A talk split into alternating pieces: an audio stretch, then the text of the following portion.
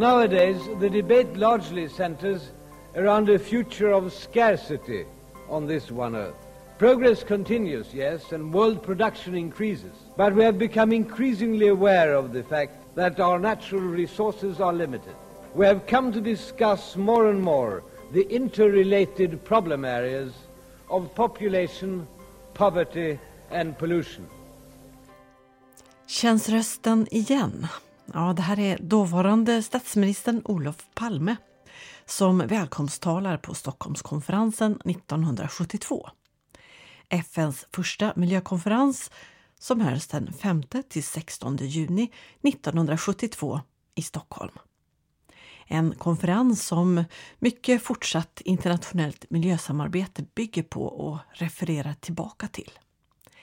5 juni blev världsmiljödagen och FNs miljödeklaration formulerades. Nu är det 50 år sedan. Och 2 och 3 juni 2022 hålls därför den internationella konferensen Stockholm plus 50. Hur har världen förvaltat de här 50 åren som gått? Vad har miljöarbetet lyckats och misslyckats med? Och hur har jordbrukets och matsystemets påverkan på världens miljö förändrats? Det handlar om i det här avsnittet av Feeding Your Mind från SLU Future Food.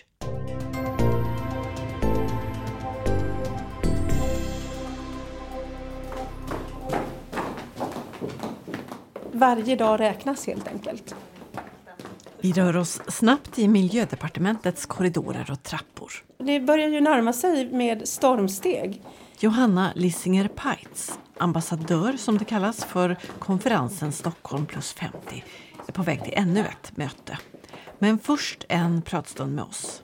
Går man ut på stan så och bara frågar vet du vad Stockholm plus 50 är så tror jag att väldigt många säger att nej, det vet jag inte. Vad är detta? Stockholm plus 50 är ett internationellt högnivåmöte. Det är ett möte som har ett mandat från alla FNs medlemsländer som förhandlades fram under ja, sommaren, hösten eh, förra året. Det är ett möte som har ett fokus på att öka takten i omställningen och att sätta fokus på vad behöver vi göra mer tillsammans av för att nå de åtaganden och mål som vi globalt sett redan har kommit överens om. Hur viktiga är sådana här jubileer då för att liksom ta sats med ny kraft framåt? Ja, men det, är faktiskt, det, är, det är en bra fråga. Hur viktiga är sådana här möten? Eh, och då skulle jag säga att mötena är viktiga som en drivkraft för regeringar, för civila samhället, för näringslivet att någonstans lite grann liksom stanna upp och säga hur går det med det vi har åtagit oss att göra? Och vad behöver vi göra mer av? Och vad vi behöver förändra i stort och smått. Sen tycker jag också när man pratar om den här typen av möten och det handlar inte bara om Stockholm plus 50, det kan handla om klimatkoppar eller andra stora internationella möten att man får inte glömma att en stor del av mötet är faktiskt det som händer inför ett möte och som är minst lika viktigt som de två dagar som äger rum i Stockholm. Vi ser det liksom som en vad ska man säga, uppsamlande kraft och accelerator för det som redan pågår. Ett steg på vägen helt enkelt.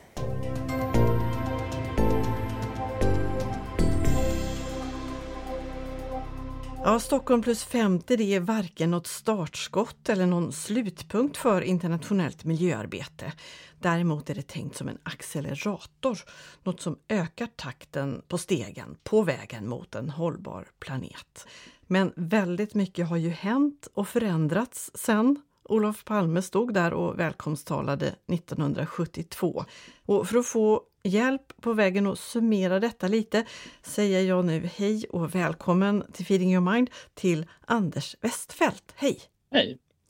Du är professor i kulturgeografi vid Stockholms universitet och har skrivit första kapitlet i Svenska FAO-kommitténs skrift Naturen vi lever av, utveckling och förändring sedan Stockholmskonferensen 1972. Och eftersom du då har summerat 50 år på 5-6 A4-sidor så vågar jag be dig om konststycket att sammanfatta lite hur miljöläget i världen med fokus på jordbruket då är klart, har ändrats på 50 år?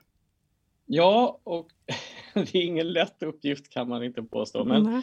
jag skulle nog vilja påstå att det har varit både en success story och ett accelererande problem. Och problemet har kanske varit lite dolt men har blivit uppenbart då de sista decenniet. Och till det lyckade i sammanhanget är ju att en allt större mängd människor har mat för dagen på en global nivå. Men samtidigt har det skett på bekostnad av en, en ganska omfattande strukturrationalisering, omorganisation och industrialisering av jordbruket i västvärlden.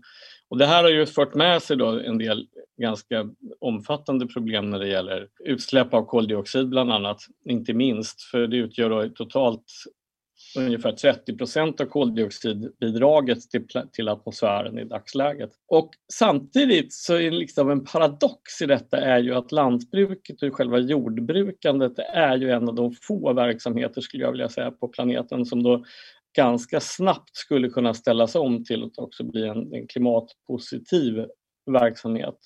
Och det kan man väl säga att de sista tre, fyra, fem åren har vi sett ett eh, försök till att, att vända trenden inom jordbruket. Att jordbruket istället för att släppa ifrån sig klimatgaser ska ackumulera in kol i jordbruksmarken. Så du tror på möjligheten att kanske till och med få ett klimatpositivt jordbruk som binder mer kol än det släpper ut? Jag är ganska övertygad om att det är fullt möjligt, men däremot så krävs det ju en, en mycket mycket omfattande och mycket storskalig om, omställning av jordbruket eh, och den har vi knappt ens påbörjat. Den är fortfarande i experimentfas. Jag brukar ta exemplet med att man under sent 1800-tal faktiskt i många avseenden skulle kunna hävda att lantbruket var klimatneutralt till och med i vissa avseenden klimatpositivt. Så att det, det, är inte en fullständig omöjlighet. Sen är det klart att, att det ska produceras väldigt mycket mat men det handlar ju också om, om vilken mat man konsumerar globalt och så vidare. Jag menar, vi kommer inte kunna ha köttkonsumtion på den nivån vi har i västvärlden i, i närmaste hundra åren. Men här menar jag ju då att, att det måste till internationella institutioner som kan hantera de här frågorna om, om hur fördelningen av konsumtion ska kunna se ut eller hur produktionssystemen ska kunna designas om så att de faktiskt blir neutrala eller positiva till och med det är flera parallella omställningar som kommer ske de närmaste decennierna och som kommer bli tvinga, tvingas fram om inte annat. Jag brukar tänka att man kan vara lite fatalistiskt lagd här, att å ena sidan kan man tänka att man har, har den här saken i sin hand och man kan styra och ställa och förändra. Å andra sidan är det nog så att händelseutveckling som krig, konflikter, torka, översvämningar och så vidare kommer ju sätta press på hela systemet i en omfattning som vi inte har sett. Du citerade en geografisk analys från 1968 som visade att då i Sverige var det bara några mil mellan geografisk tyngdpunkt för livsmedelsproduktion och livsmedelskonsumtion. Ett annat sätt att säga att numera så reser maten mycket längre till oss eller vi har flyttat från maten eller hur man ska säga. Ja, och detta är ju en produkt av globalisering. Idag skulle vi inte ens kunna göra den analysen för att maten kommer så avlägset ifrån och vi känner inte alltid ens till varifrån den kommer exakt. Och man ska komma ihåg att 1972 i Sverige var livsmedelsförsörjningen en nationell angelägenhet som var politiskt styrd. Och, och en brytpunkt är då 1990 när riksdagen beslutade att man helt ska avreglera det statliga prisstödet till lantbruket, vilket har gjort att många har övergett lantbruket som verksamhet. Mm. Globalt och, och även i Sverige, en långsiktig trend har ju varit det här med sjunkande transportkostnader som då frikopplar var maten produceras från var den konsumeras och det har lett till vad vi sett. Men eh, alltså, är vi på väg att lämna detta nu? Alltså, jag brukar tänka så här att jag tror inte att vi kommer sluta transportera mat och det finns många skäl till det och det finns många skäl till att ha en global marknad om inte minst livsmedelssäkerhetssynpunkt. Men däremot så tror jag att vi kommer bli varse behovet av att optimera lantbruket så att det blir klimatneutralt lokalt och då kan vi förmodligen inte köra den typen av lantbruk och storskalig livsmedelsproduktion som vi gör idag med, med väldigt stora insatsvaror och mycket energi. Utan vi kommer behöva anpassa oss till, till de förhållandena som råder framgent. så att nu har vi ju sett på grund av både pandemi och konflikter att, att transportkostnaderna ökar och det intressanta då är just att då minskar ju också transporterna av livsmedel. Så att, eh, och det är ju på gott och ont, men vi ser ju direkt problem då till exempel i kriget här att nu kommer vi få problem med livsmedelsförsörjningen i stora delar av Afrika när vi inte kan transportera mat från Ukraina och så vidare.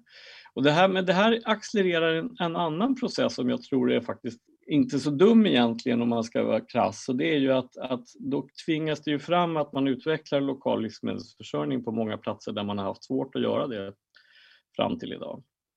Det brukar ju sägas då att jordbruket och livsmedelssystemet bidrar till omkring 30 procent av växthusgaserna till atmosfären, koldioxid, metan och lustgas. Och sen funderar man ju, mat måste vi ju ha. Jo, fast i de här ekvationerna så måste man ju tänka att är det nödvändigt att vi använder fossil energi för att driva våra traktorer och eh, tillverka konstgödning? Jag menar, senaste veckan stötte jag på någon nyhet som pekade på att man mycket väl kan med, med solel producera konstgödning eh, och då behöver man inte peta in någon fossil energi överhuvudtaget. Eh, jordbruket producerar ju massa biprodukter och det är ju väldigt många lantbrukare som är väldigt alerta på att till exempel producera biogas och använda det för egen energiförsörjning eller egen, egen, egen energiproduktion. Så jag tror att man måste tänka att, att det, det är liksom den fossila energin som är problemet och den kommer man behöva fasa ut. Det vi ser exempel på när det gäller just det här med kolinlagrande jordbruk idag, det är ju att där kan man ju sänka kostnaderna till exempel i ett plöjningsfritt jordbruk och då pratar vi om att man reducerar eh, kostnaderna för fossil energi med 40-50 procent. Och med stigande energipriser så går det ganska fort att, att motivera den typen av aktiviteter. Så att jag tror att vi kommer ganska kvickt se en utfasning av fossil energi på olika sätt eller ersätta den med annan typ av, av energi men inte att vi kommer fortsätta på samma spår. Eh, och att vi hittar mer eh, alltså, energieffektiva system helt enkelt.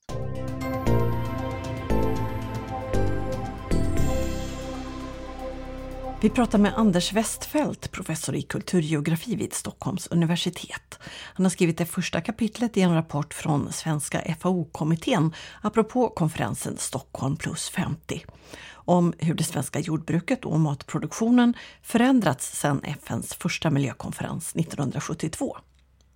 På 70-talet, lite av svensk jordbruks guldålder, då var som sagt livsmedelsförsörjningen en nationell angelägenhet med fasta priser och god lönsamhet. På 80-talet producerades för mycket mat i Sverige och statens kostnader steg när överskottet fick säljas till låga världsmarknadspriser. Så 1990 beslutade riksdagen att prisstödet skulle bort. Men redan 1995 gick ju Sverige in i EU och där kom nya produktionsstöd istället. Sånt här skriver du, Anders, om och också att jordbrukets matproduktion behöver ses som en global kollektiv nytta och att vi hittills sett allt för snävt ekonomiskt på mat. Hur menar du då? Jo, jag brukar ta exemplet med att i stora delar av världen idag så har vi fri utbildning och vi har fri sjukvård. Och det där har ju vuxit fram i utvecklingen av samhällena, inte minst utbildning är ju centralt för att överhuvudtaget kunna ha demokratiska samhällen. Då uppfattar jag eller menar att de här två exemplen pekar på hur vi har i samhällena accepterar att vi gör investeringar i sådana här kollektiva nyttigheter.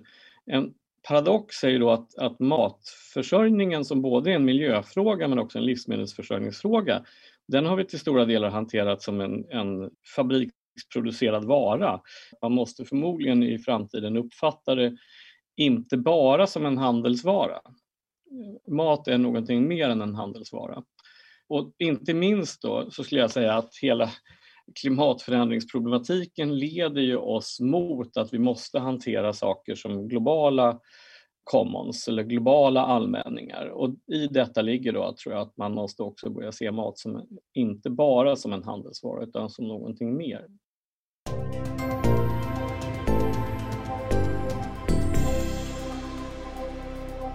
Ja, mat är mer än en vanlig handelsvara, konstaterar Anders Westfält, professor i kulturgeografi.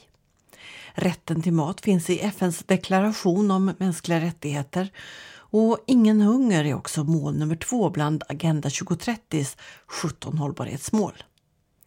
Dagens till stor del icke hållbara livsmedelsproduktion är en del av miljö och klimatproblemen. Samtidigt som Anders Westfeldt ser en potential för klimatneutral eller rent av klimatpositiv livsmedelsproduktion framöver. Givet en mycket omfattande och storskalig omställning.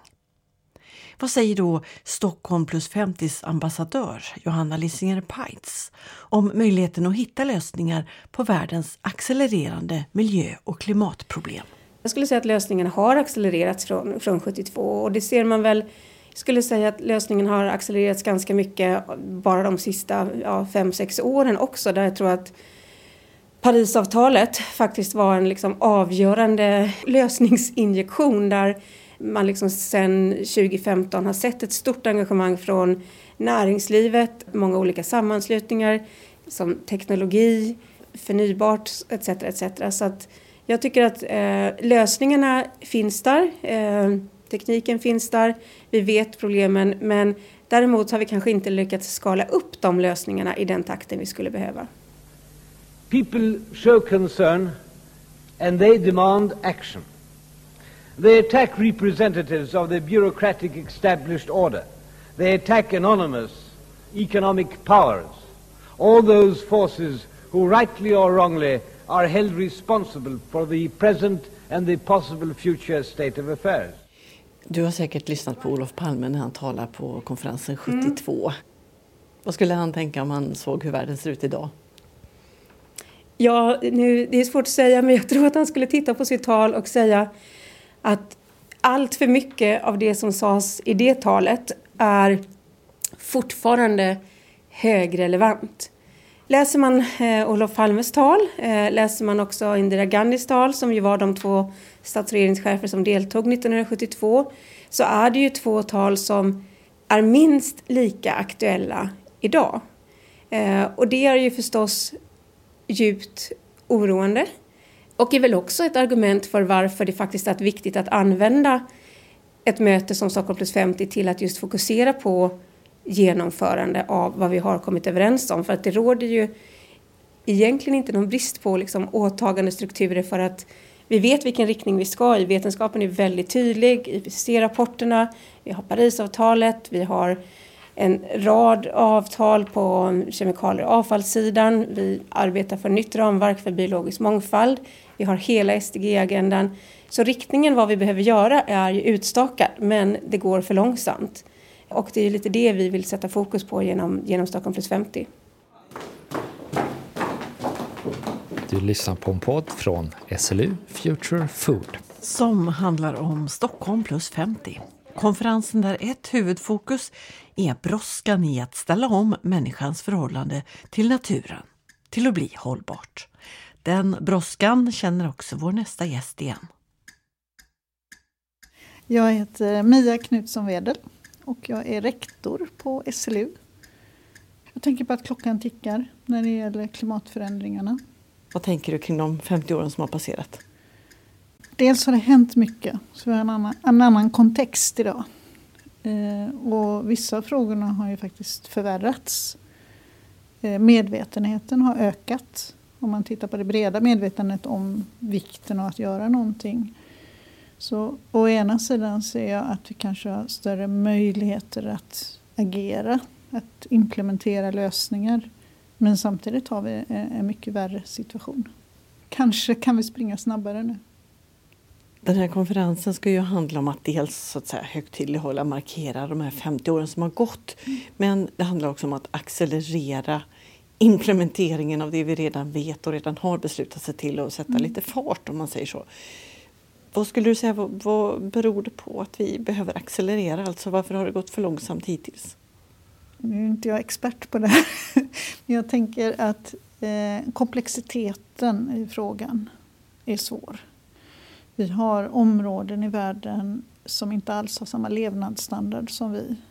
Och självklart så vill de bli mätta först. Vi har områden i världen där vi hoppas att de kan göra så kallade grodhopp. Du menar man hoppar över liksom ja. den fossila fasen? Ja, och det är kostnadsfrågor, det är ekonomifrågor det är trögrörliga system. Så även om vi vet att något behöver göras så behöver det finnas både politisk beredskap, det behöver finnas företagsekonomiska förutsättningar och, och, enskilda individer. Där jag kan bli lite mörkrädd ibland, där det är fake news eller man är fullkomligt ser vetenskapliga fakta som åsikter. Att vi inte når fram just för att det blir en slags eh, glidande tro på fakta och vetenskap. Tänk dig att eh, du hade allas öra och hade ett kort invigningstal på Stockholm plus 50. Mm. Vad skulle du ha som ditt viktigaste budskap till världens beslutsfattare på plats? Samverka. Släpp det egna perspektivet. Lyssna på andra och försök hitta kloka lösningar ihop. Hamna i dialog och inte debatt. Använd de fakta som finns prata med dem som man kanske är längst bort ifrån. Och kom ihåg att ha, ha barnen i fokus, framtida generationer. Lösningar som passar för dem kanske inte är så lätta för oss som har vant oss vid andra typer av leverne under en lång tid. Men de nya lösningarna måste komma på plats för vi förstör ju våra barns framtid. Jag tror att en generation som växer upp i klimatångest måste känna att de kan påverka. Och därför tror jag det är viktigt att de känner att de är en del, att de kan påverka, att de kan göra någonting.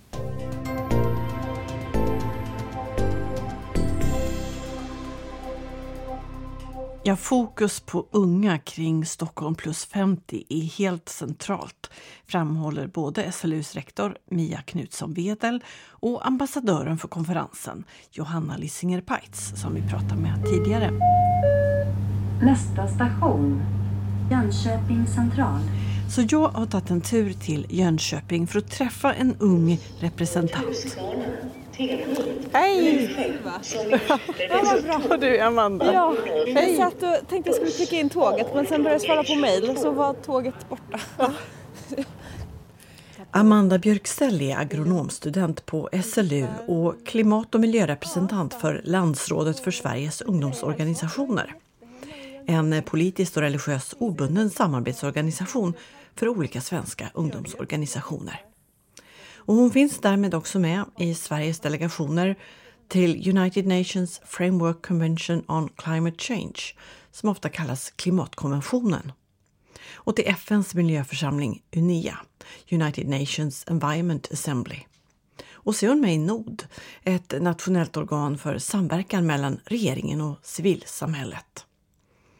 Vi vandrar ut på piren i Jönköping med utsikt över stan och Vätterns djupa vatten. Och jag frågar Amanda Björksell hur hon gör för att bäst representera den stora gruppen, de unga.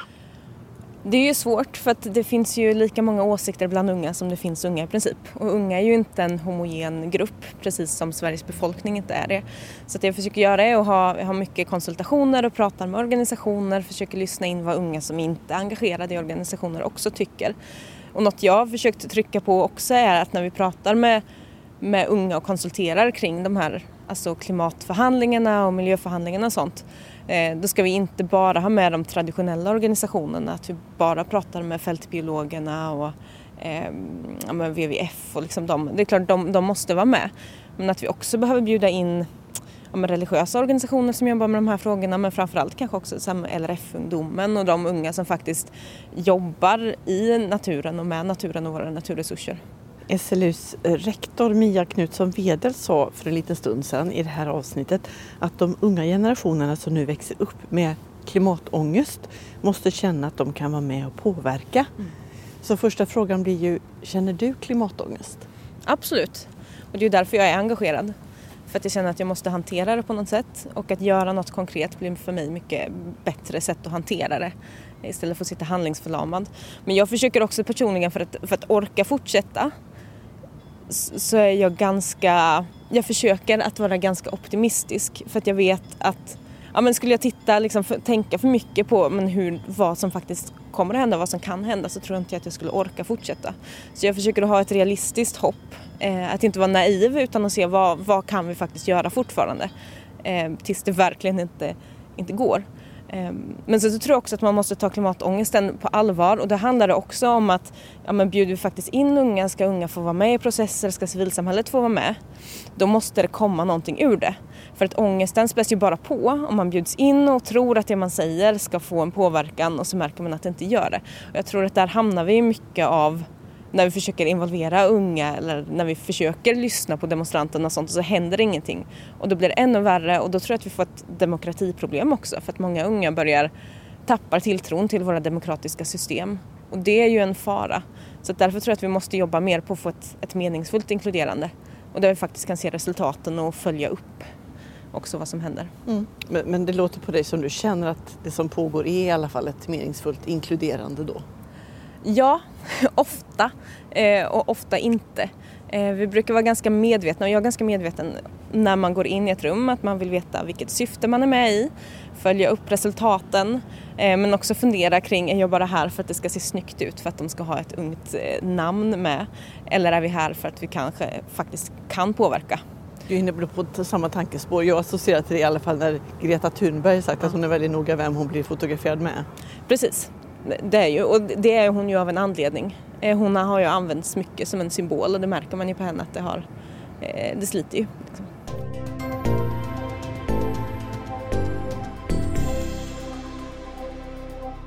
Amanda Björksell har förväntningar på Stockholm plus 50.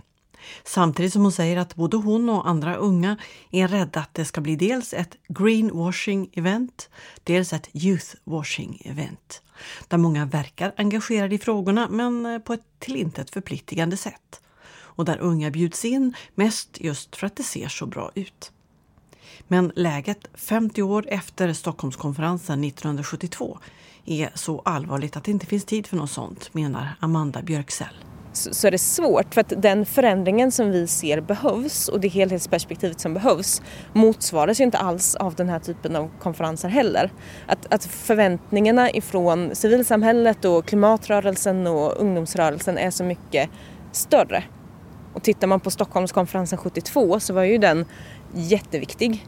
Eh, Olof Palme pratade om ja, men storskalig exploatering av naturresurser redan då och det har ju inte hänt mycket de senaste 50 åren. Eh, men det var också för 50 år sedan som FNs miljöprogram startade så vi faktiskt började förhandla och prata om de här frågorna. Och ha de förväntningarna också på sig eh, gör ju att det är väldigt höga förväntningar och jag är lite orolig för att man inte kommer kommer nå dit liksom. och då, då kommer det vara en besvikelse ifrån ungdomsrörelsen såklart.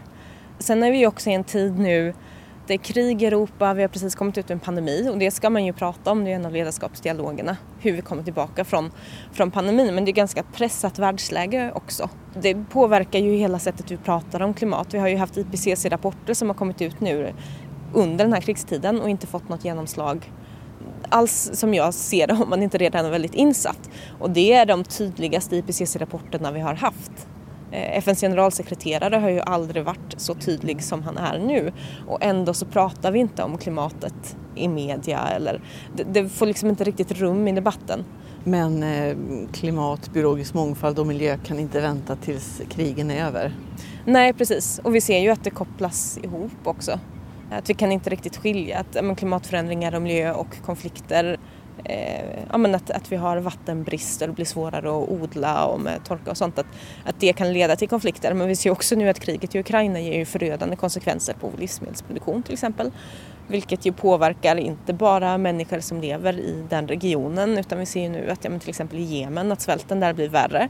Matpriserna ökar i östra Afrika och nu ser vi att Indien slutar exportera sitt vete.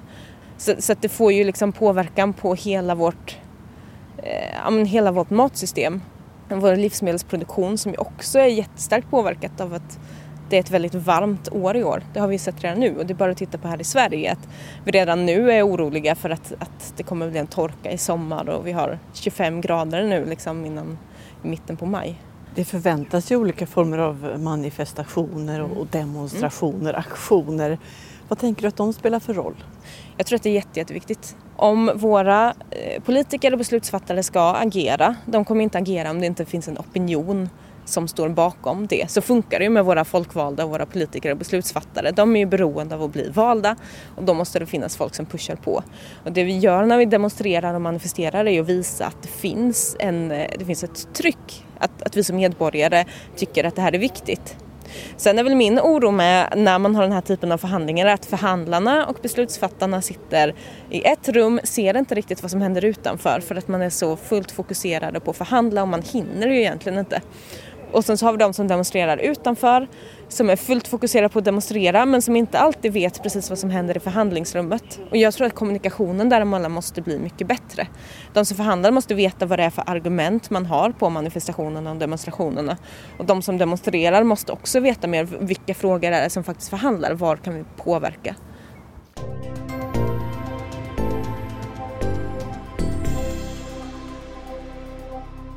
Ja, civilsamhällets demonstrationer och manifestationer behövs för att pusha på beslutsfattarna, säger ungdomsrepresentanten Amanda Björksell.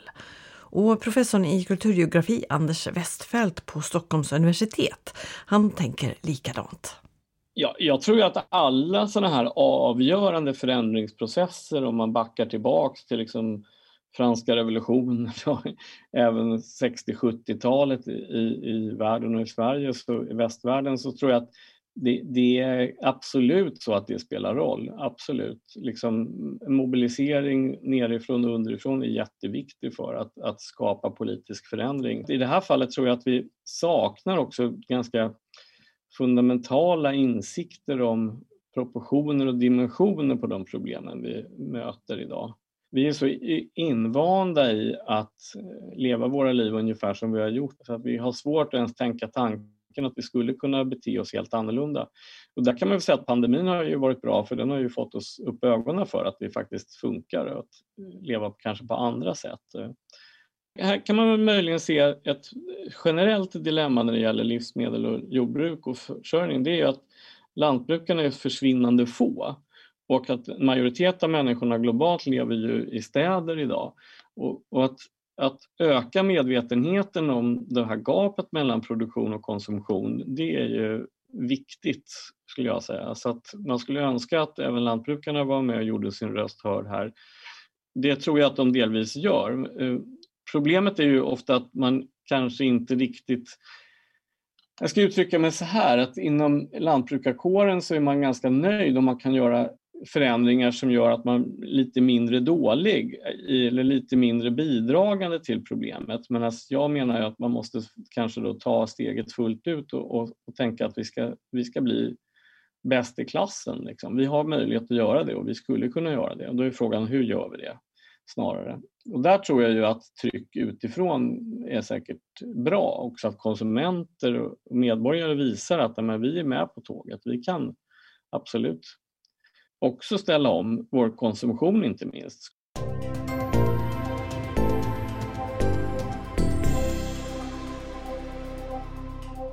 Intressant är ju att vi har varit väldigt upptagna av en global integration eh, och vi har inte riktigt eh, förstått vidden av den och framförallt inte när det kommer till livsmedelsförsörjning och miljö och klimatfrågorna. Det är helt uppenbart att vi har ryggat för, för de frågorna. Eh, och jag tycker att det är lite konstigt att man inte ser sambanden mellan miljöfrågor och livsmedelsproduktion i större utsträckning än man gör. Man, man, man såg problematiken på 70-talet när man såg, använde bekämpningsmedel och fåglarna dog ut och det ena och det andra. Men att idag inte riktigt se att eh, det här är system där det finns massa synergier lokalt som man måste ta vara på.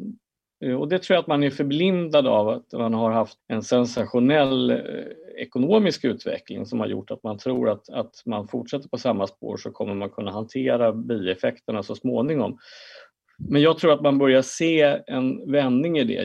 Om de som var med på konferensen där 1972 hade kunnat göra en studieresa till framtiden och landat här och nu 2022 och blev uppdaterade om läget, vad tänker du skulle vara den allmänna reaktionen? Ja, jag tror att de skulle vara förvånade över hur, hur väl så här, så här, livsmedelsförsörjningen fungerar. Men de skulle nog bli bekymrade när de såg till vilken kostnad.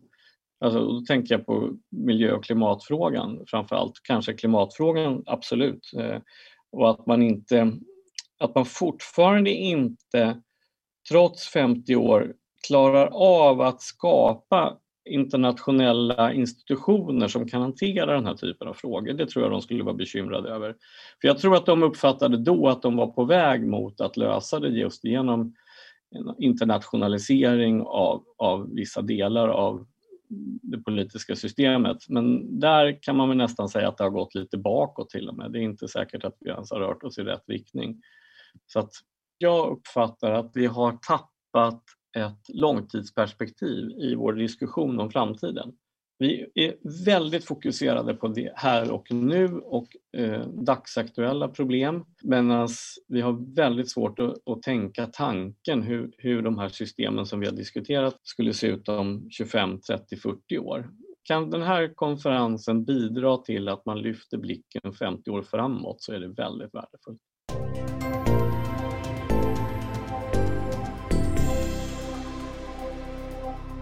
Ja, Anders Westfeldt menar att vi tappar i långtidsperspektiv i vår diskussion om framtiden. Har vi blivit sämre på det där med att se helheter och tänka långsiktigt? Det är ju i alla fall nödvändigt att göra så, konstaterar SLUs rektor Mia Knutsson Wedel. Jag tror att klarar vi att tänka långsiktigt så klarar vi det här. Men när vi tänker kortsiktigt så kommer det gå åt helsike. Nej, nu svär jag också. Mm. Men du är bekymrad på riktigt? Ja, både bekymrad på riktigt men också hoppfull på riktigt. Just därför att vi har idag jättemycket verktyg och vi har idag en beräkningskraft att ta till. Och I ett globalt system så kan det också vara en fördel att vi är globalt sammankopplade. Det här som SLU just står för, Science and Education for Sustainable Life, det handlar om livsmedelsproduktion och lantbruk och det står ju för en väldigt stor del av eh, Eh, växthusgasutsläppen och så. Om man frågar dig, hur centralt är det att lösa de frågorna för att få styr på planetens miljövälmående? Om man tittar på vad vi behöver som individer, både vi och djur, andra arter, eh, så är det mat och vatten. Eh, och då måste vi, vi är många, vi blir allt fler och då behöver det göras så hållbart som möjligt. Jag kan tycka att Ehm, det är en självklarhet. Men vi får inte heller peka ut matproduktionen som en bov, för det måste vi ha. Det, det går inte att jämföra någonting vi inte behöver med någonting som är absolut nödvändigt. Så ja, det är en stor påverkan och vi måste jobba men vi kanske måste sluta med sånt som vi inte behöver. Och så att ibland kan jag tycka att det blir lite enögt när vi bara pratar om en typ av Eh, produktion. Och då måste man komma ihåg att mat och vatten måste vi ha. Så på väg mot det hållbara jordbruket så är det andra produktioner som behöver dra ner för att vi ska komma snabbare fram mot målet? Jag tror man behöver räkna på det. Ta med all, alla liksom, vad, vad, vad, är faktiskt onödigt som vi skulle kunna dra ner på? Vi behöver prata samtidigt om hur många dagar i veckan vi äter kött som man pratar om idag. Då måste man också samtidigt prata om hur ofta vi byter mobiltelefon eller köper nya kläder. Sa Mia Knutsson Wedel, rektor på SLU. Tillbaka så en sväng till Jönköping och ungdomsrepresentanten Amanda Björksell. Konferensen Stockholm plus 50, 50 år efter FNs första miljökonferens. Den handlar om själva brådskan i omställningen av människans relation till naturen. Hur vi globalt skapar en hållbar, inkluderande återhämtning efter pandemin och hur vi ska hinna omställningen för att nå de 17 globala hållbarhetsmålen i Agenda 2030. Det känns så viktigt och kanske också så övermäktigt. Är det inte lätt att bli överväldigad och desillusionerad av själva dimensionerna på problemen? frågar jag Amanda. Och visst, hon håller med men konstaterar också, som många före henne, att vi har inte så mycket annat att välja på. Det är en kris som kommer komma i framtiden och vi kan stoppa den nu. Men jag tror att det gör att vi, att vi har svårare att uppfatta det som en kris. Och det är ju en kritik som har kommit mycket ifrån ungdomsrörelsen och miljö och klimatrörelsen. När vi ser hur mycket pengar det har funnits att lägga på covid-pandemin jämfört med klimatkrisen. Och det gör ju att, att många som är klimatengagerade och många unga, då känner man ju en stor hjälplöshet i det också. Trots mm, all tid och allt engagemang du har lagt ner inför Stockholm plus 50 mm. så kommer du själv inte att vara där. Du kommer att vara på ett annat eh, klimatmöte i Bonn. Precis, det, det kommer sig så att Stockholm plus 50 i princip krockar med SB-sessionerna som är de förhandlingarna som sker ungefär ett halvår innan klimatförhandlingarna som kommer äga rum i Egypten i höst.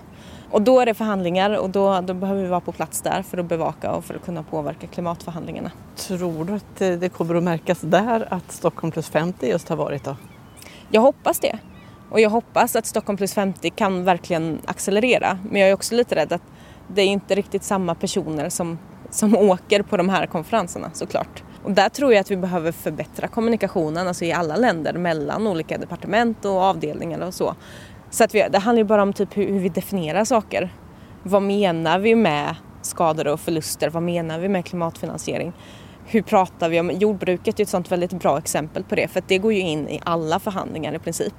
Och sen så hade vi Food System Summit som likt Stockholm plus 50 inte var några förhandlingar men som var en bra satsning men som borde fått mer genomslag nu är det lite så att man kan skylla på i de andra processerna att vi hade Food System Summit, då har vi pratat om jordbruk.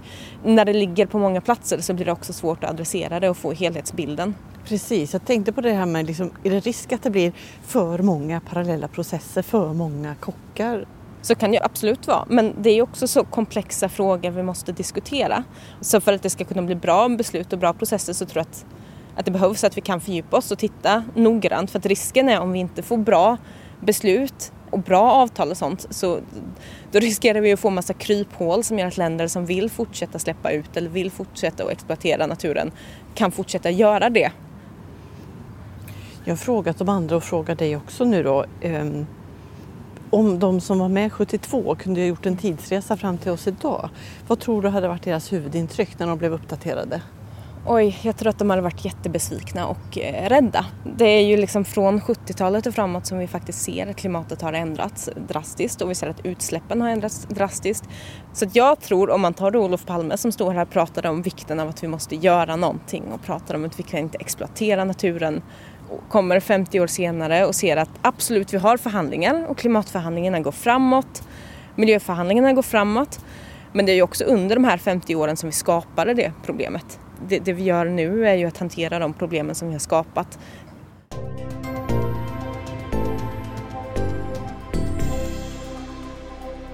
Lätt att bli desillusionerad kanske.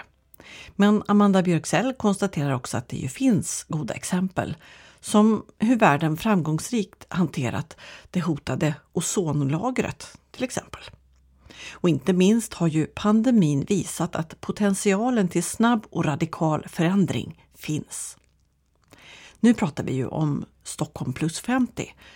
Om det blir ett Stockholm plus 100, undrar hur världen ser ut då? Om 50 år, om vi tittar på de scenarierna som finns, så tror jag absolut, om vi gör något nu, om vi agerar, och då är det ju liksom de närmsta 3, 4, 5 åren är avgörande. Och liksom åren fram till 2030 är ju absolut avgörande. Vi kan göra saker Eh, vi kan förbättra situationen avsevärt, vi kan förhindra mycket. Men fortsätter vi på det sättet som vi gör nu så jag är, ganska, eh, jag är väldigt orolig för hur världen kommer se ut då om, om 50 år. Det är många unga också som, men man vet inte, ska jag planera för framtiden? Eller hur ska jag tänka? Någon idé om pensionsspara? Nej men precis, och det, det, är ju något man kan skämta om så här. Men, men, det är ju verkligheten för unga att man också funderar på att jag kanske inte vill ha barn för att dels så är det en klimatbelastning och sen vill jag inte att mina barn ska få växa upp i en värld där vi har liksom återkommande naturkatastrofer. Vi pratar om att, jag menar, att livsmedelsproduktionen blir jättepåverkad. Vi vet ju att stora delar av jorden ser ut att bli obeboelig liksom, och med de migrationsströmmarna påverkar ju också. Men vad är det som är ditt driv då vad är det som gör att du är liksom engagerad istället för resignerad?